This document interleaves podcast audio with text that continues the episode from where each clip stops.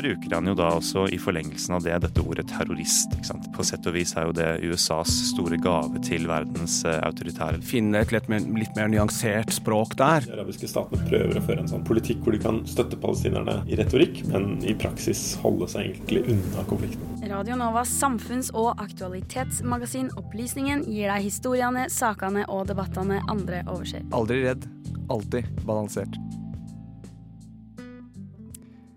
Fra Hellas og Tyrkia, der vi var i forrige innslag, skal vi nå videre. Vi skal krysse Middelhavet skjønner du, og bevege oss til Israel. Mandag var det valg i dette lille, litt ganske turbulente landet. Mange ble overrasket da den korrupsjonstiltalte statsministeren Benjamin Netanyahu ble gjenvalgt. Og hva er det egentlig som foregår i Israel nå? Vi undersøker litt nærmere.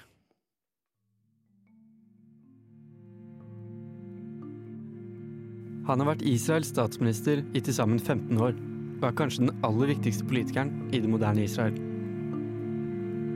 Vi kjenner ham som Benjamin Netanyahu. I hjemlandet kaller mange ham bare Bibi.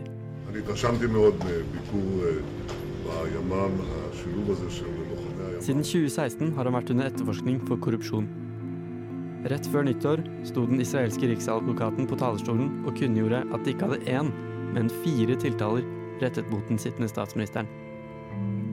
Saken var stridens kjerne da israelere gikk til valgurnene for tredje gang på få måneder. Onsdag denne uken ble det klart at Netanyahu trolig får fortsette i jobben.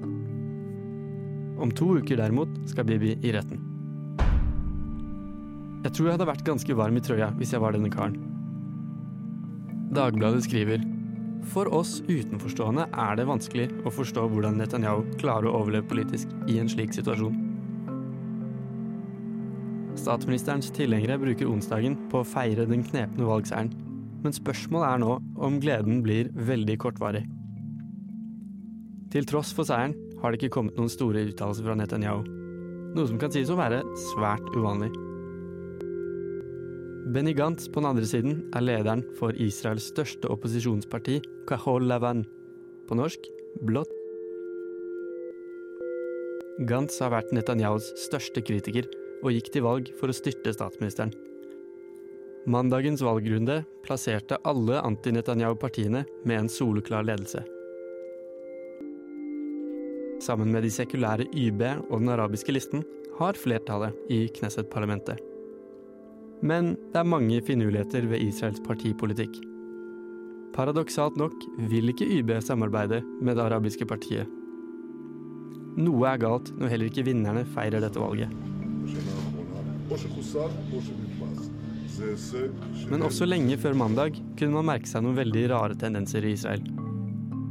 1.1, da mange hadde ferie, gikk Netanyahu til Knesset og spurte om juridisk immunitet fra korrupsjonssaken. Dette var selvfølgelig svært upopulært, og han trakk senere tilbake forespørselen. Da så det ut til at opposisjonen kunne stå sterkt og slå Netanyahu. Så kom det faktiske valget, der Netanyahu på hengende håret vant, til tross for fire tiltaler. Høringen i Høyesterett begynner 17. mars, og det begynner å bli rimelig varmt der. I et morsomt utsagn på Twitter sier Benny Gantz Baby, drikk et glass vann. Vent på sannhetens time, og respekter rettens avgjørelse. Det noen lurer på nå, er om uroen har avslørt noen alvorlige sykdomstegn ved Israels politiske system. Ingen kan på forhånd si noe om rettssakenes gang. Vi vet rett og slett ikke hva som skjer dersom Netanyahu blir dømt. Hvis de siste månedene har vært noen pekepinn, kan vi bare forvente et splittet Israel.